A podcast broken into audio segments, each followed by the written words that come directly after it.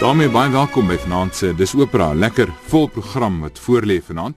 Oorweging. Dis maandag aan jy luister na Tweede Beweging. Baie welkom by Tweede Beweging vanaand. Die gaste, ek seker almal van julle wag, duisende mense dwars oor die land. Fokhoof polisiekar is by my in die ateljee.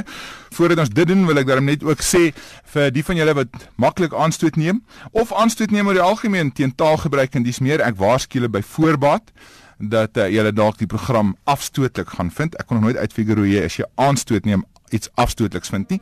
Maar wees gewaarsku as jy sensitiwiteit het.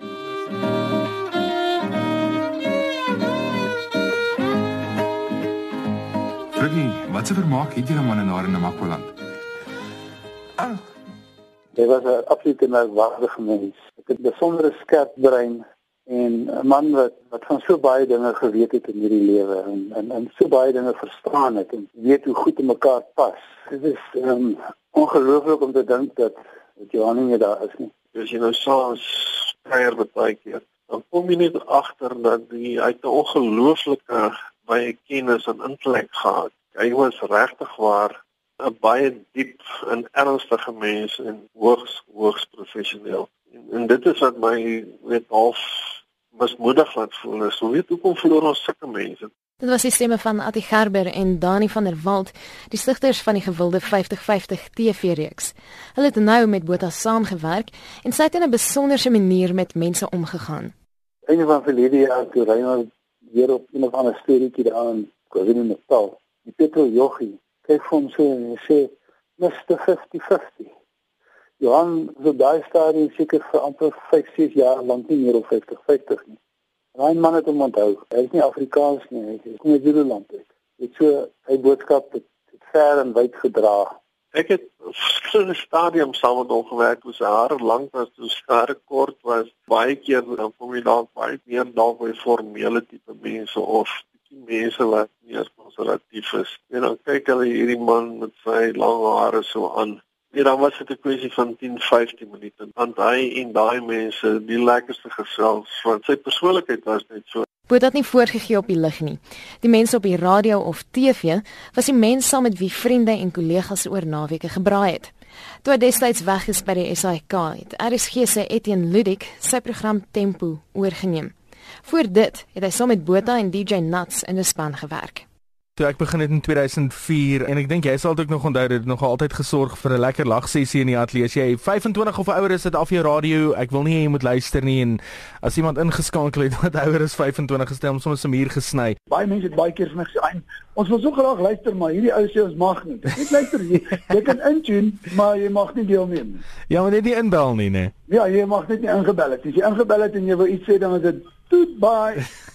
en sy liefde vir die natuur was onmisbaar. Ek het eendag by hom gaan kuier en met die aankomslag was sy kameras opgeslaan geweest en hy het 'n string muurtjies afgeneem wat van boom tot boom geloop het omtrent. Toe ek hom vra, jy weet, hoekom neem hy nou die mure af? Toe sê hy, die mure is besig om iets te doen. Hy weet nog nie wat nie, maar hy gaan hulle afneem. Hy gaan dit terugspeel vir 'n kenner en hy gaan op hierdie manier uitvind wat die mure mee besig is. Nooit 'n vlieg eintlik skade gedoen nie. Sy sy liefde vir die natuur was uh jy weet baie groot gewees. Vader sê van der Walt se kennis oor musiek in verskeie genres was iets om mee rekening te hou. Net die naweek nog het hy na een van Botha se laaste programme op Pretoria FM geluister. Ek het nou jy Sondag aand aan slaap geraak met daai program van Johannes in my ore. En lank voordat Bob Dylan die Nobelprys vir literatuur ontvang het, het Botha reeds groot dinge voorspel. Dit het hom verskillende goed geskryf, maar hy is een van die leierfigure in die 60's gewees, die tyd van politieke omwenteling in Amerika. Toe die jonger geslag begin het om standpunt in te neem vir die eerste keer.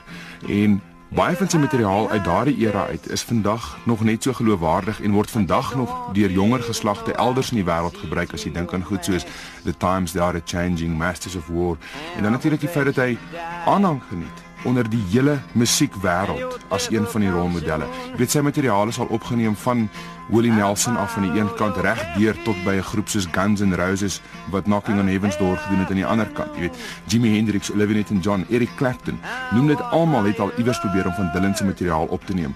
En Dylan as straatdigter is iemand wat 'n baie groot bydrae gelewer het tot menseregte wêreldwyd.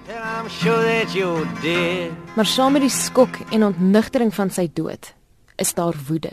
So onnodig. Ek weet dit is so flip van onnodig. Hoeveel geld kan hulle nou in daai daai wewerige restaurantjie uitgedra het? Dit is nie moeite werd om mense mense se lewens te vat daarvoor. Eintlik is ek 'n bietjie uh, gatvol vir vir alles wat gebeur en so onnodig gebeur. Ek dink met Johan se uh, geval, jy weet hy kan nie net nog 'n statistiek wees nie, want as sulke mense uitgehaal word uit die samelewing en ons doen niks en ons sê niks en dan gebeur niks nie. Ek wil dan ons ons samelewing basically in sy hê. Weet nou is dit net weg en dit is nie asof dit 'n natuurlike ding was nie. Dit is 'n sinnelose absurde dood. Ek weet ek kan nie dink wat daar gebeur het. Maande tussen by getree en dit is 'n enige teken. Maar dis ook is dit die karakter van Johan. Hy sal nooit nooit nooit weggedraai van so 'n ding. Nooit. Ek is Marlene Forsie vir SAK nuus.